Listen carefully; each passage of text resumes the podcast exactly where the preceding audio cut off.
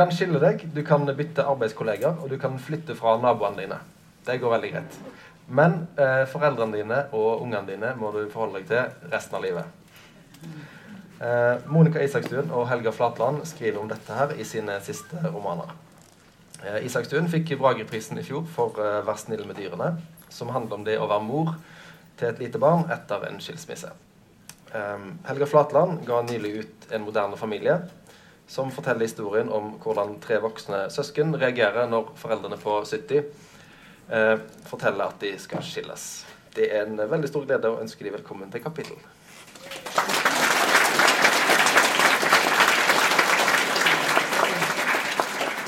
Eh, jeg må begynne med deg, Helga, siden eh, din bok er den eh, nyeste.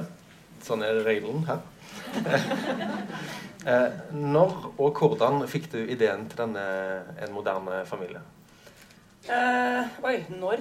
Det eh, Når vet jeg ikke. Eh, fordi at mine romaner er ikke Jeg kan ikke tidfeste når jeg har fått ideene til å skrive romaner. Det begynner jo stort sett ikke som romanideer engang. Det begynner jo som en nysgjerrighet på et, en tematikk.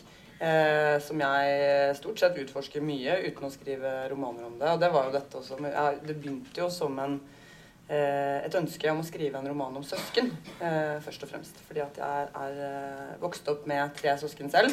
Eh, og jeg syns den relasjonen er veldig interessant. Eh, spesielt når jeg hører hvordan andre forholder seg til sine søsken, eh, kontra hvordan jeg forholder meg til mine. Og det at man er vokst opp sammen, har så mange eh, referanser og eh, deler så mye, og samtidig blir forskjellige, helt forskjellige individer. Eh, Så det var utgangspunktet for romanen i seg selv. Men dette med disse 70-åringene som skiller seg fordi nå kan jeg ikke gå ut fra at alle har lest romanen, så jeg må bare si kort hva den handler om.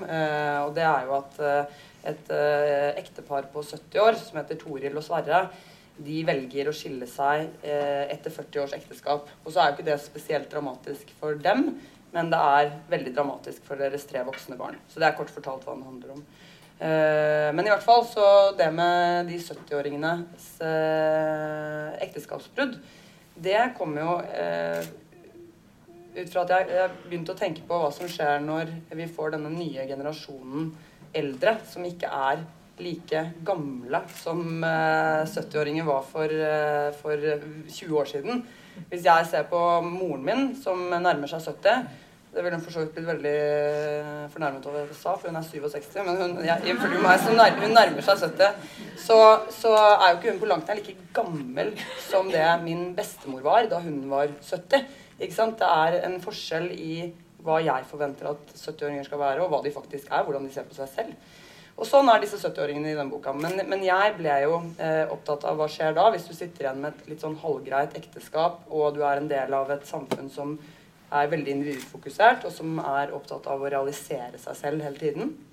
Eh, og hvorfor skulle ikke de være det? Eh, og det er jo Ja, det var jo utgangspunktet. Så sånn startet jo romanprosessen, da. Ideen. Mm. Kan, du nevnte dette med at det er forskjell fra 20 år siden. Kan du stikkordsmessig forklare hvordan de gamle har eh, forandra seg de siste årene? Ja, det- de er jo eh, Nei, det, det tror jeg blir vanskelig. Men de er klart at de er jo mer moderne, da. Eh, og det, jeg tror det handler mye om forventningene til livet. Og så er det jo reelt sett også sånn at de er jo De er jo forventet å leve lenger. Levealderen øker og Det er klart at de har mer igjen av livet enn det en 70-åring hadde for 20 år siden bare.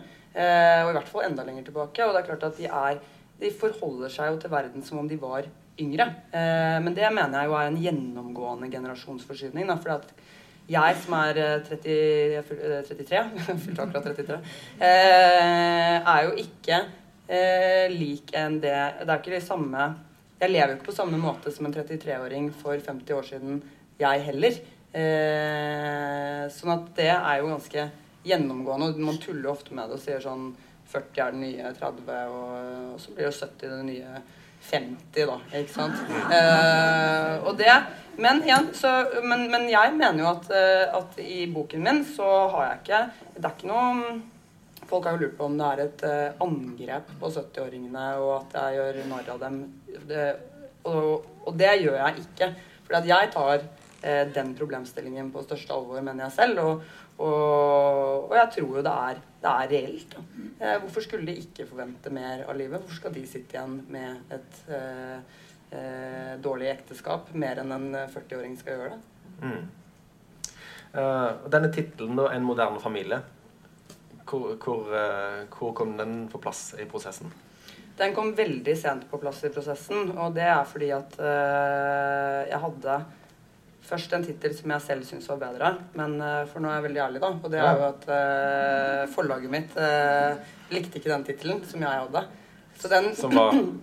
den het 'Som om alt skulle bestå'. Så den syns jo jeg var finere, men så syns forlaget at En moderne familie Egentlig så hadde de et helt annet forslag som jeg nå ikke husker hva var, men så kompromisset vi. Så landet vi på en moderne familie. Og grunnen til at jeg gikk med på det, det var jo fordi at jeg fikk lov til å bruke et eh, bilde på omslaget. Jeg vet ikke om dere har sett det, og nå har jeg ikke boken her heller, men det er i hvert fall et eh, familieportrett mm. av en familie på 50-tallet. Eh, og det er min egen familie, som altså min mor da hun var liten, og min mormor og min morfar, som har stilt seg opp. og de var en moderne familie på 50-tallet. Men der sitter liksom morfar med pipa i hånda, og mormor har lagt frem røykpakka på bordet. ikke sant? De var, de var veldig moderne sånn sett, og du ser de har på seg moderne klær. Eh, og det er jo bare, så Tittelen spiller jo litt på hva en moderne familie er anno 1950 eller anno eh, 2017. Mm. Men så er jo spørsmålet er familien i denne boken spesielt moderne. Men de er jo ikke det. Nei. Nei. men, for, for, men, når du sier at den ikke er moderne, på hvilken måte er de ikke det? Nei, Hvis du ser på verdiene til eh, disse foreldrene for eksempel, som hele tiden driver og snakker om at man må holde ut og det er jo, Disse barna er jo vokst opp, og, og det som du sa til meg i stad, du reagerte på at eh, disse voksne barna tar det så innmari hardt. Ikke sant? De er heller ikke spesielt moderne i den forstand at de, de vil gjerne være det, tror jeg. Men innerst inne så er det jo sånn eh, Det er vanskelig å være moderne når det kommer eh, kriser og slår deg i ansiktet. Eh, sånn at det er jo en eh, jeg, jeg, oppfatter dem som med ganske tradisjonelle verdier, i hvert fall. Mm. Mm. Så vi har flytta rundt på generasjonslinjene, men vi har ikke klart å, å ommøblere eh, tankesettet vårt? Nei, så er det jo alltid sånn at uh, det, Man kan jo spørre seg om det ligger noe biologi i det. Altså, uh, kulturen ligger jo alltid foran naturen. Og det har jeg også problematisert litt i uh, en av disse voksne barna, som heter Ellen. Hun er mellomste søster, og hun forsøker å få barn. Og der kommer jo også den generasjonsforskyvningen til uttrykk fordi at hun er 38 år, og hun har levd som om hun er 25. Eh, og har eh, tenkt at hun er så ung, og at hun, at, hun har god tid på seg til å realisere familiedrømmen osv. Og så idet hun fyller 38 og prøver å få barn, så kan hun ikke det. Og antageligvis, det konkluderer jeg jo ikke med, men antageligvis så er det fordi at det er for sent å få barn for henne. Mm. Eh, men det er jo Der henger jo på en måte Og hun blir jo nærmest indignert, ikke sant. Hun ser jo hvordan kan dette være? Som om hun Eh, at min kropp er på like nedadgående og aldrende kurs som tippoldemoren min var da hun var 38. Eh, mm. Eh, at ikke noen har ordnet opp i dette, liksom. og det er jo en sånn Jo, men det er jo også altså, Det speiler jo selvfølgelig også hvordan vi tenker. For vi, vi blir jo sånn Noen må jo Hvorfor, hvorfor skjer dette? hvem er det som skal komme og redde meg her? Mm. og det gjør det jo ikke. Men det er jo eh, men det er jo en del av den generasjonsforskyvningen som jeg snakket om. Ja. Mm. Du nevnte dette med søsken, og vi må jo si litt om eh, du nevnte Ellen, som du sa, som er i midten her, og de to andre søsknene som, eh, som forteller den historien. Mm. Kan du bare kort eh, risse opp de to for oss, de to andre òg? Ja. Eh, Liv, hun er eldst. Hun er 42. Hun har skapt sin egen uh, lille familie. Med, hun er gift med Olaf og har to barn, Agnar og Hedda, som er uh, Eh, Hedda er fire, og Agnar er vel 14. Eh, og for henne så Hun har på en måte modellert livet sitt veldig etter foreldrenes Ja, de verdiene som jeg sa innledningsvis, men også etter måten de har levd på, selvfølgelig. De har jo holdt sammen. de har skapt en familie som de på en måte lever i veldig tradisjonell familiesetting. Da.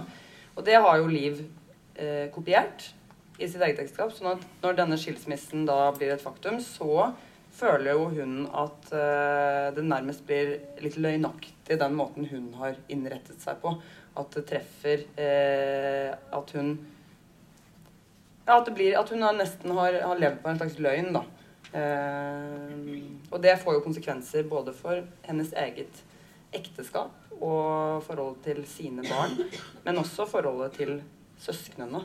Eh, fordi at disse søs... Altså, jeg mener jo at en familie er jo skapt av eh, forskjellige roller, og hvor alle forventer at de andre skal fylle den rollen de har, hele tiden. Mm. Og så blir det veldig stressende når noen går ut av den eller prøver, som han yngste sier på en måte, at hvis han prøver å gå ut av rollen som den yngste mann, som han alltid inntar i møte med familien igjen, så vil han veldig raskt bli satt på plass og kalt enten søt, eller at han bare er sånn så søt du er som prøver å være voksen, f.eks.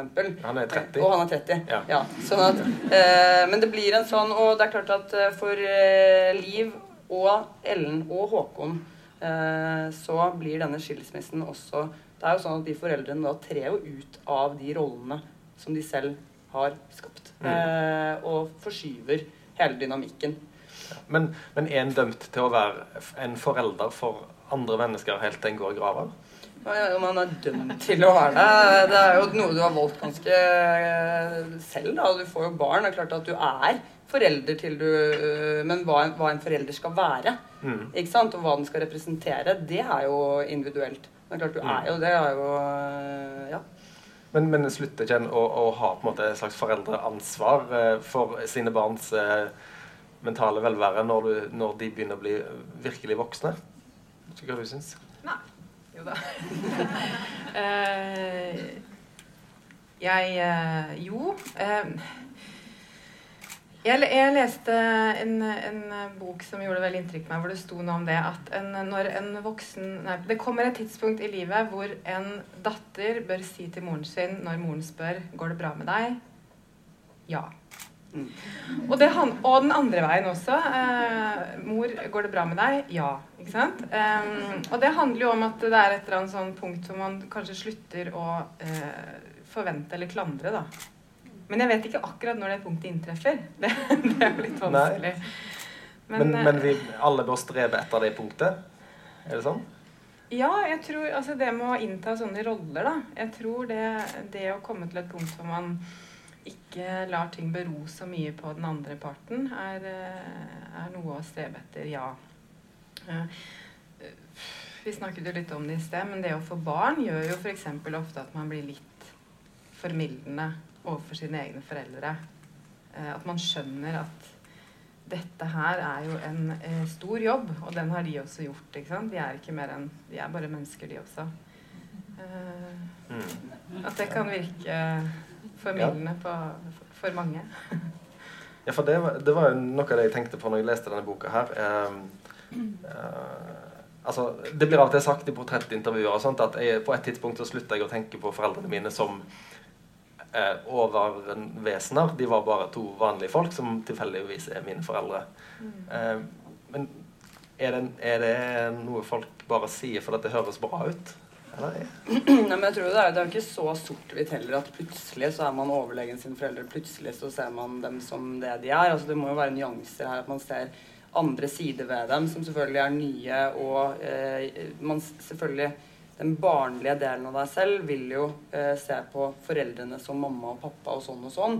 Men så er, må det jo gradvis skje at man selvfølgelig blir et voksent individ med andre tanker som forholder seg til eh, foreldrene sine, forhåpentligvis, da, som eh, mennesker i verden, ikke bare i, for, som eksisterer for meg. Ja. Eh, men, men jeg eh, I hvert fall har jeg ikke gitt mine karakterer det derre eh, veldige øyeblikket at de tenker 'å, de er bare mennesker'. Eh, fordi det syns jeg blir eh, rett og slett litt unyansert.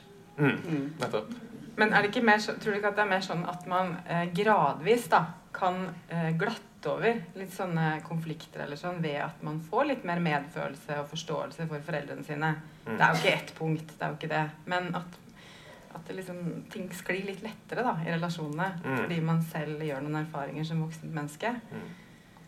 Så det handler jo ikke alltid bare om å se foreldrene sine som at man har opplevd dem som overmennesker heller. Det kan jo være at man rett og slett slutter å klandre dem for så mye, da. Hvis man Mm. selv eh, Mm. ikke sant, kjenner på utilstrekkeligheten det er, og følelsen av å være Mm. dårlig forelder selv av og til. Men Vurderte du å slippe til eh, foreldrene, en av de som fortellerstemme i denne boka? Nei. Fordi at øh, de skulle ikke jeg, jeg, hadde, jeg skulle ikke skrive en ekteskapsroman. Jeg skulle ikke skrive Det er jo ikke det som er eh, Det er ikke følelsene til uh, Toril og Sverre som er eh, viktige her. Det var ikke det som var viktig for meg i det hele tatt. Eh, og det som jeg syns var interessant med å skrive det fra Fordi at det er eh, Ellen, Liv og Håkon som får de tre de er, tre foreldreskjemmer, og de forteller historien. Sånn at eh, jeg ville jo fortelle om voksne barn av eh, skilte foreldre. Hva skjer da? Fordi at det er eh, skrevet mye, og veldig mye bra, f.eks. om, om eh, skilsmisser mellom eh, yngre eh, mennesker som har små barn. Mm. Og det er klart at der er det mye eh, som er utforsket og skrevet om. Mens jeg har lest veldig få verken eh, sakprosa, altså kronikker, eller noen som har ment noe særlig. Sånn, man er jo alltid ute, det er veldig mange som mener mye om barna til eh, små barn som har skilte foreldre. Mm. Eh, men det er veldig få som er ute og mener noe særlig om de voksne barna. Selvfølgelig fordi at man forventer at de kan ta vare på seg selv på en helt annen måte. Og det, Mm. og det skal de jo, og det gjør de jo.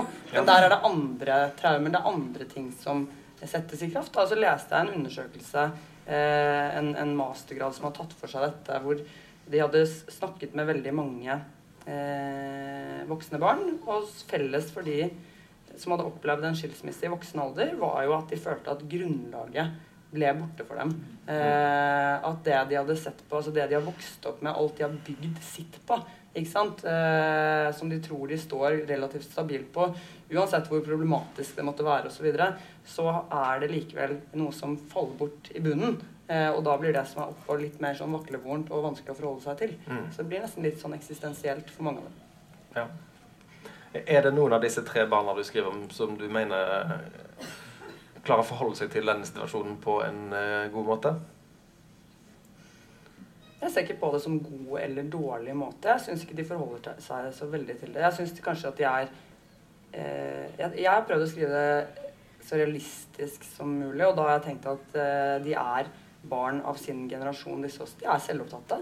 Så det er klart at eh, hadde de vært eh, mindre opptatt av hvordan dette rammet dem, og tenkt mer på hvordan det ville ramme, hvor det, hva det gjorde med foreldrene, så kanskje de ville fått større forståelse. Men da er vi igjen tilbake til når ser man på foreldrene sine som eh, mennesker, og i hvilke situasjoner kan man se på foreldrene sine som mennesker. fordi at felles for Liv, Ellen og Håkon er jo at de nesten utelukkende tenker 'hva gjør dette med meg'? Mhm. Eh, og at de bare skulle holdt ut litt lenger, fordi eh, ja, det er jo nesten ved enden av livet osv. Så, videre, og så, videre, så da er det sånn Hvis de først har holdt ut så lenge, så kan de vel for søren holde ut resten også. Eh, så det er jo litt den. Men, men ja, så det mener jeg jo kanskje at eh, alle tre kunne, kunne nok hatt et eh, litt høyere, litt større forståelse for, eh, for bakgrunnen.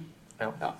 Men er det, du nevnte er det traumer som settes i sving i disse, i disse voksne ungene sin, eh, sitt tilfelle?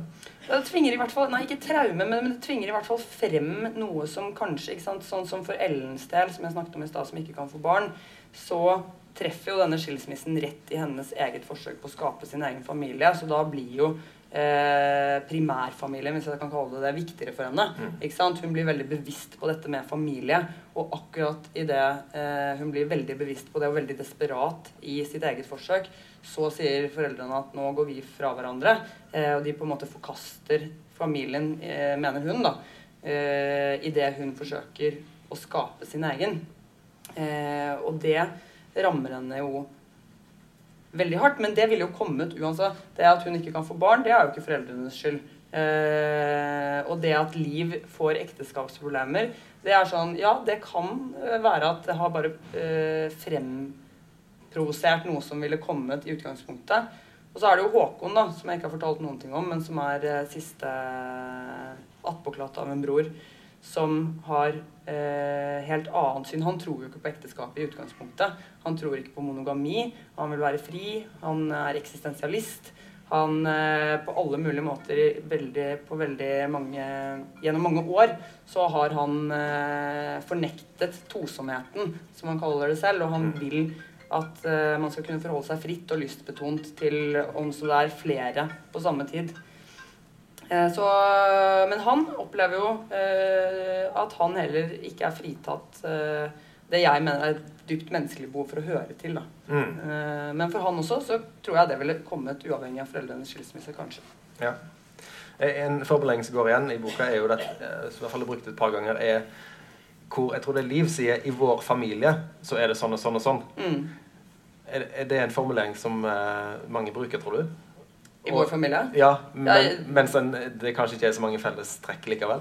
Ja, det tror jeg absolutt. Jeg, altså, min mor og far bruker det hele tiden. Så, men det er mer sånn for å si eh, at eh, Nå har jo ikke jeg egne barn, men, eh, jeg, men jeg vil tro at jeg kommer til å si det også. Mer som en sånn nesten formanende eller moralske standarder som man setter. At i vår familie så er det sånn. Og så er det selvfølgelig ikke det, men det er det vi prøver å leve, leve etter. Vi- Eller å strekke oss etter. Vi tar oss sammen når vi holder ut. Ja, ikke sant? Ja, det eh, sier jo Det, det kan jeg jo røpe at det er relativt eh, hentet fra eh, min egen far. At eh, man ja. Ja, ja.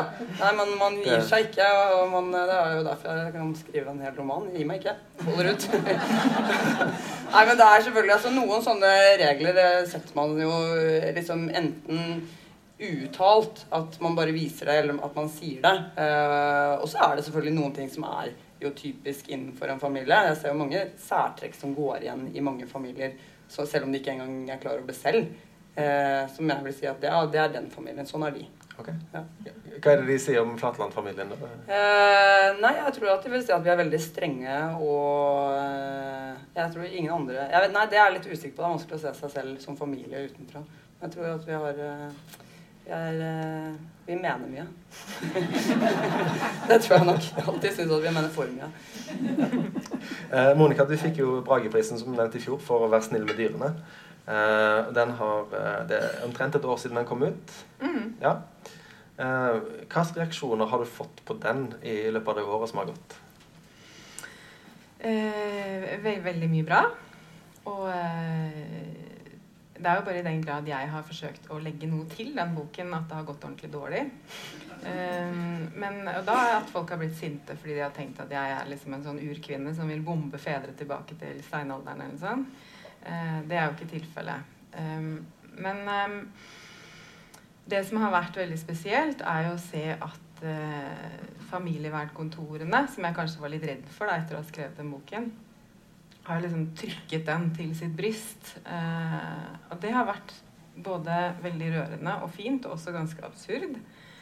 Um, og at ja, det blir sånn Det virker som det har blitt en viktig bok for mange av dem i deres arbeid. At den kan minne dem om at de som kommer inn på kontorene deres og er, skal liksom finne ordninger og lage avtaler og signere, er, har forferdelig mye vanskelige følelser inni seg. Som ikke de nødvendigvis får ordnet opp i, fordi man er ikke Man er der for å lage avtaler, man er ikke der for å være psykolog. Men kanskje klare litt begge deler, da. Mm. Så det var en som sa til meg at hun hadde, når hun leste den boken, så liksom blafret de 300 parene eller hva det var, som hadde vært innom kontoret hennes i løpet av årene, gjennom hodet. Og hun, og hun hadde begynt å gråte da, av å tenke på hva de satt med. Det er jo veldig Det, det er heftig å høre. Mm. Så ja. Gir de gjerne ut til, til De gir den ut til folk som kommer og har det vondt? Ja, eller hvordan er det? Liksom, Er dere klar over hva dere holder på med her? Les den. Er det, det er ikke sånn? Ikke skyld deg. Ja, det er jo litt sånn. Um, eh, nei, jeg tror ikke det. Men jeg var og besøkte et familievernkontor i Drammen, og de hadde, han, hadde, han som var sjef der, hadde gitt den i gave til alle sine ansatte, i hvert fall.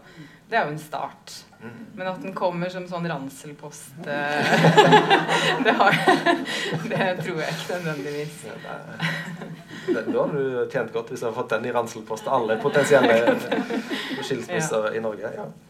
Um, ble du overraska over at den vakte så mye oppsikt som den gjør? For folk har jo drevet og skilt seg nå i ganske mange år. Det er ikke, Mm. det er ikke et tabu å skille seg i, i Norge i 2016-2017. Nei. Eh, men det er kanskje litt, eh, litt tabu å si høyt de tingene som Karen sier. Om ikke hun sier de høyt, så sier hun i hvert fall til seg selv. Altså, å være en forelder som syns det er vanskelig å dele barnet sitt, det tror jeg nok veldig mange kjenner på. Men det har jo også blitt måten vi liksom Det er sånn vi gjør det. Det er, sånn vi, det er de normene og reglene vi følger og gjerne vil forholde oss til. da, Være moderne. Uh, mens det som bruser opp i henne, er jo et sånt voldsomt uh, dyrisk uh, raseri, nesten, over at ikke barnet kan være hos henne hele tiden. Og det tror jeg at det har vært um, Det er kanskje det da som har truff, altså At det er mange som Heldigvis er det ikke bare skilte folk som har lest den. Det hadde jo vært kjedelig. Men, men jeg tror nok at at det å lese noe som kanskje mange har tenkt selv, eller uh, Ja, det, det har vakt Hva skal man si Om ikke begeistring, så i hvert fall mm. at, det, at, det, rører, da. Ja. Um, mm. Hvordan har det vært for deg å bli en offentlig figur? En slags sånn En som mediene ringer til for å få uh, uttalelser om uh, det som jo er politikk, i bunn og grunn. Altså samlivsbrudd og fordeling av barn. Mm. Nei, men De ringer jo ikke. det er det som er Hadde de ringt, så hadde jeg jo liksom eh, bedt om betenkningstid. Men, men hvis jeg sitter i en sal, og, og, Nå skjer ikke dette lenger, for nå har jeg liksom forstått litt mer av hvordan jeg kan Jeg kan tillate meg ikke svare på ting, f.eks. Mm. Uh, jeg kan tillate meg å si at jeg ikke vet. det er lov. Men, uh, men i starten så, så, tenkte jeg ikke det. Da tenkte jeg at jeg måtte svare hvis en journalist altså det kom jo journalister på besøk hjem til meg i huset mitt og spiste mat jeg hadde laget til dem. Og vi snakket veldig hyggelig, og jeg hadde ikke blitt intervjuet så mange ganger hjemme før. Så jeg liksom tenkte at det var bare å fyre løs. Men så blir jo det til overskrifter, da. F.eks. hvor jeg ser ut som en som, som er et slags urmenneske, kvinne, som vil at, at denne ordningen med delt bosted skal avskaffes. Eh, mens andre ganger er det at eh, at eh, folk har spurt i etterkant av sånne samtaler som det her uh, Hva tenker du Går folk for fort fra hverandre? Sant? Og så har jeg prøvd å komme med noen sånne svar på det. Men det, det, er jo ikke jeg som skal svare på det. Det må jo liksom Frode Tuen eller, eller noen andre ta seg av. Og det har jeg heldigvis skjønt etter hvert. så jeg har liksom klamret meg til at eh, jeg har skrevet denne boken, og jeg kan godt snakke litt om den, men jeg har på en måte ikke noe mer å si ja. Uh, ja. For du, du, gjør jo eh, arrangement sammen med uh, Frode Tuen. Ja. Og da, det, da, er det han som tar de der personlige henvendelsene? Det er akkurat det som er så fint. Da kan jeg bare si at de spørsmålene går til deg. ja. For, for, boka di òg er jo altså, Helga, du har jo sagt at dette med forventningene til hva en 40- og 70-åring skal være, har forandra seg. Eller, du skriver om det. Og du, de boka er jo et slags svar på dette med forventninger til hvordan skilte folk skal oppføre seg. Altså, mm. Karen bryter jo en del med det. I hvert fall med det hva som er, er lov å si. Uh, ja, men nei, hun gjør jo ikke det. Hun bryter jo egentlig ikke. For alt det vi får vite, det, er, det sier hun jo egentlig ikke til noen. Uh, så uh, boken kom akkurat ut på svensk, og da var det en journalist i Aftonbladet som åpenbart Hun liksom likte boken veldig godt, men hun hadde åpenbart problemer med å liksom Hun måtte få sagt at Karen var bakstreversk. Ikke sant? Ja. Og så tenkte jeg Nei, men det er hun jo ikke. Fordi hun, hun, signerer jo denne avtalen. Hun gjør jo disse tingene. Hun drar ikke og liksom saboterer. Hun er ikke en samværssabotør eller sånn. Hun gjør akkurat det hun skal gjøre, men hun føler ikke at det er greit. Mm. Ikke sant? Det er jo hennes indre vi blir kjent med, på en måte. Mm. Um, at hun kanskje liksom lett manipulerer datteren sin et par ganger. Til, prøver å få fram en sånn litt trist reaksjon når datteren skal til faren. Det er jo også menneskelig, ikke sant? Det er, men det er, det er kanskje det, det, mest synlige hun gjør, da. Eller, mm. sånn ut i boken. Ellers så er det jo en kamp i hennes indre mm. som ikke får Pappa ser jo Anna annenhver uke, han òg. Mm. Så hun er ikke bakstreversk. Men hun skammer seg over å føle seg bakstreversk. Ja. Vi snakker litt om språk, som vi gikk inn på her nå. Eh, Helga, du eh, har ofte personer som har en jobb innenfor kommunikasjon. Mm. Altså I 'Vingebelastning', den forrige romanen din, så var det Andreas som var utdanna innenfor eh, han var en tekstforfatter, eller hva var han? Var Ja, en ja, han jobbet i kommunikasjonsbyrå. Kommunikasjonsbyrå, ja. Og i denne boka her så er, jobber de i forlag, og de er journalister, og de er taleskrivere for et departement. Mm. Ja, Så her er det jo masse kommunikasjonskompetanse som bare ligger og putrer. Mm. Eh, hvordan vil du beskrive kommunikasjonsformen mellom søsknene i, i boka di? Jeg vil beskrive den som at den har vært veldig god. Og, eller veldig god, altså hva er god kommunikasjon? Det blir jo opp til hvem du spør. Men det er klart at uh, de har snakket mer sammen enn det de gjør når, dette, når foreldrene skiller seg. fordi at da er det jo det som jeg sa egentlig i stad, at når, disse, når rollene forskyves, så vet de plutselig ikke helt hvordan de skal forholde seg til hverandre heller lengre. Og når de ikke vet det, så blir det vanskelig vanskeligere å, å snakke sammen. Sånn at, eh, men, men det er jo, det syns jeg jo er ganske gjennomgående i alle de bøkene, eller alle de bøkene, de fem bøkene jeg har skrevet. Det er jo at eh, man sier én ting, men det oppfattes annerledes. Man tror man utstråler eller sier eller uttrykker noe, men så har man ikke gjort det. Og det er jo felles for eh, de tre søsknene, at de tror jo at de, at de eh, kommuniserer noe annet enn det som når frem til den som tar imot, selv når det er så nært som et søsken som jo vet egentlig veldig mye om hvordan du hvordan kroppsspråket ditt er, eller hvordan eh, du uttrykker deg. Så selv ikke der når de gjennom med det de tror at de sier. Men det er jo eh, noe av for å komme litt inn, på det også, Noe av det jeg har forsøkt å utforske i denne boken, er jo også hvordan man oppfatter eh, både andre mennesker og situasjoner ulikt. Eh, og det er jo litt av det spennende med å ha de tre fortellerstemmene. er at En ting er liksom hvordan de kommuniserer og oppfatter kommunikasjonen seg imellom. Men en annen ting er jo den eh, forskjellen i hvordan man oppfatter det som blir, faktisk blir sagt i den skilsmissescenen, eller ikke skilsmissescenen, men hvor foreldrene annonserer skilsmissen, så har du jo bare bitte små endringer egentlig i hvordan både Ellen, Liv og Håkon oppfatter den eh, scenen, og hvordan hva foreldrene egentlig sier. Det mangler noen ord i en av kapitlene f.eks. I andre så er det lagt til. Fordi at man husker Virkeligheten er jo på en måte vi som definerer ut fra oss selv og hva som har skjedd. Og historiefortelling blir jo veldig individuelt. Mm. Sånn at det er jo eh, Og det har vært interessant å drive og, og utforske litt eh, de små nyansene i forskjellene, og ikke gjøre det sånn kjempestort. Men det er bitte lille. ikke sant? Hvis vi skal gjenfortelle denne seansen her om et år, hva vil vi si? Eh, vi vil si antageligvis tre veldig forskjellige Ikke veldig forskjellige, men litt forskjellige ting. Ja. Ja, Ut fra hvordan vi oppfatter det. Hvem som syns det var mest behagelig, og hvem som syns det var mest ubehagelig. Men er, er det noen vei forbi dette her, da? Hva er løsningen? Nei. Skal en si akkurat hva en har, akkurat det som ligger i hjernen når det skal ut? Eller? Spørsmålet er er det et problem. Nei, Det, det, ja, nei eh, det er ikke et problem. Jeg De, mener de misforstår hverandre, en del av disse ja, sånn ja, i søsknene. Ja, det er et Ja. problem at de ikke klarer å kommunisere bedre. Ja. Ja, ja det mener jeg. Det, det er nok et, eh, et problem. Men løsningen der kommer jo etter hvert. Altså, de, de kommer jo nærmere hverandre igjen. Men Mm. sånn går vel alle relasjoner i bølgedaler. At det er jo av og til man står langt fra hverandre, og så nærmer man seg igjen. Mm. Ja. Mm. Eh, altså, nå har vi jo tema revolusjon på kapittelet i år, så vi skal prøve å lage en bro inn til dette her med revolusjon. sant? Eh, bare følg med nå.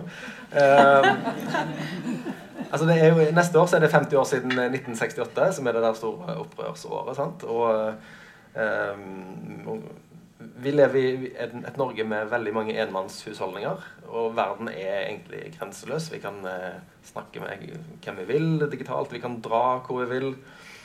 Um, men likevel så er da kjernefamilien er på en måte sentrum i norsk eh, samtidslitteratur.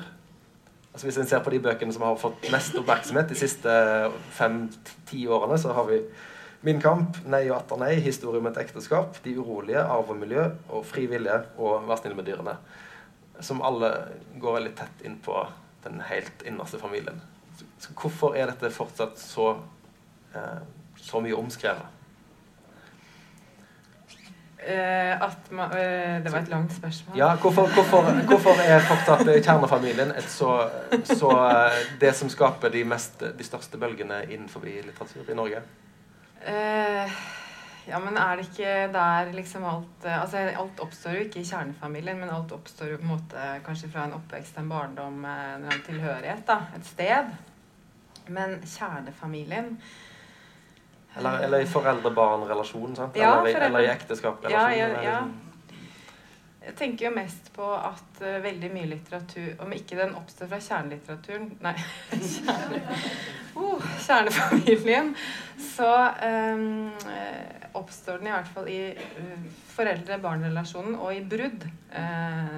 Og død, da, selvfølgelig. Men, men i disse bruddene ut av kjernefamilie, eller ja Ut av barndom, ut av, eh, ja, ut av kjærlighetsforhold. Brudd er en nøkkel for Ja. eh, å skape vesentlig litteratur. Jeg, jeg tenker i hvert fall at det er mye det de bøkene du nevnte handler om, da. Og, og håndteringen av brudd. Så Hvorfor, hvorfor blir det så viktig eh, poeng? Det trigger jo veldig mye. Og det trigger jo alle de Altså det å eh, få kriser slengt i trynet, da reagerer man jo ikke sånn som man hadde forventet at man skulle gjøre. ikke sant? Det er eh, Karen i min bok har vel antageligvis tenkt at? Ja, trist at vi går fra hverandre, og oi, vi hadde et barn også, det skal deles, etter at alt annet i huset er fordelt. Og så smeller det liksom inn det som man ikke har kunnet forestille seg før. Ikke sant? Hvordan dette, den tilværelsen skal bli. Og sånn er det jo med alle store forandringer, brudd, eh, i livet, da. Eh, enten det er ut av kjernefamilie eller eh, ut av et Mm. annen type forhold, eller at man møter seg selv på ja, måter som er Og andre som kan overraske. Og gjøre vondt. Så det må, det må jo være Det må starte der, tenker jeg, med brudd og eh, faenskap i litteratur. Ja. Hva tror du, Helga, er grunnen til at det, det har vært så mange bøker om eh, nære forhold som har vakt mest oppsikt i Norge de siste årene? Jeg tror det er fordi at vi er veldig opptatt av familie i Norge. Vi er opptatt av eh, eh, Men én ting er liksom Jeg tror ikke du har rett i at det er kjernefamilien alle har skrevet om. ikke? Fordi Nei, men, det, men de, de helt sånne nære Ja, de er nære relasjoner, men det er jo i relasjonene det aller meste oppstår. ikke sant? Det er jo som Monica sier, det er der det starter. Eh, Det er utgangspunktet vårt. Familien er rammene våre. Og enten om du ser på familien din altså Familie, da tenker ikke jeg nødvendigvis på mor, far og barn heller, men familie der du hører til, da. Eh, og den tilhørigheten er jo rammene i livet ditt. Og når det enten går i oppløsning, eller det skjer noe eh, uventet med det, så blir, må man jo forholde seg til et, eh, en ny virkelighet. Og den virkeligheten er alltid veldig interessant å gå inn i, fordi det er så dypt menneskelig, reaksjonene våre på relasjoner, rett og slett. Mm. Jeg tror det er derfor, og jeg tror lesere også eh, Det er jo mye Lesning er jo veldig mye gjenkjennelse. Eh, og jeg tror jo at det er veldig mange som leser disse bøkene nettopp for å ja, både kjenne seg igjen, kanskje finne litt trøst, eh, skjønne litt mer, få utvidet uh, horisonten sin litt. Altså, sånne ting. Og det, det tror jeg er uh, Jeg tror vi alle kretser rundt disse temaene fordi det rett og slett er så mye av oss uh, som er opptatt av det, som lever av det, som er i det hele tiden. Mm. Mm. Men er ikke litt av det vi liker å fortelle oss sjøl i Norge i dag, at vi er så fri? Vi kan gjøre omtrent hva vi vil. Ja, da, men da er jo hva er frihet? ikke sant? Ja, Vi kan reise hvor vi vil, men, men kan du fri deg fra relasjonene dine på samme måte? Er det, hvorfor er det et mål å være fri fra relasjonene sånn sett? Eh, det, eh, jeg syns ikke at eh, frihet er det samme som å være helt fristilt. Frihet er noe annet. Mm. Ja. Ja. Da sier jeg bare tusen takk til Helga Flatland og Monica Isaksen. Takk. Takk.